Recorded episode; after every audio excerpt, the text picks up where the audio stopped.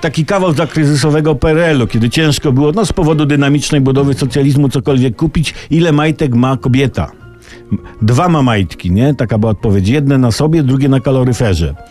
Jakże się to zmieniło, prawda? Teraz nie ma kaloryferów. Nie, oczywiście żartuję. Nie ma majtek. Też żartuję. O, ho, ho, ho. Jak ja się lubię. Kaloryfery są i majtki są. I słuchajcie, pewnie z tej okazji w internecie ukazał się taki pasjonujący artykuł pod tytułem Bielizna zdradza charakter kobiety. O. To były poważne badania. Bo dobór bielizny odzwierciedla, otóż, słuchajcie, charakter kobiety właśnie. Białą bieliznę wybierają romantyczki, cielistą, czyli jak sama nazwa wskazuje, taką w kolorze skóry, panie, które nie mają nic do ukrycia.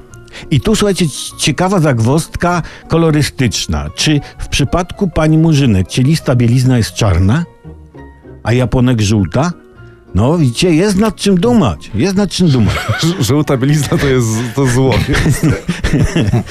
A na przykład, słuchajcie, majtki czerwone oznaczają pobudzenie i zwiększoną ochotę, zielone spokój i brak ochoty na szaleństwa. To zauważmy tak jak w świetlnej sygnalizacji drogowej, nie? Bo na czerwonym stoi, a na zielonym jedzie. Znaczy, znaczy odwrotnie, nie.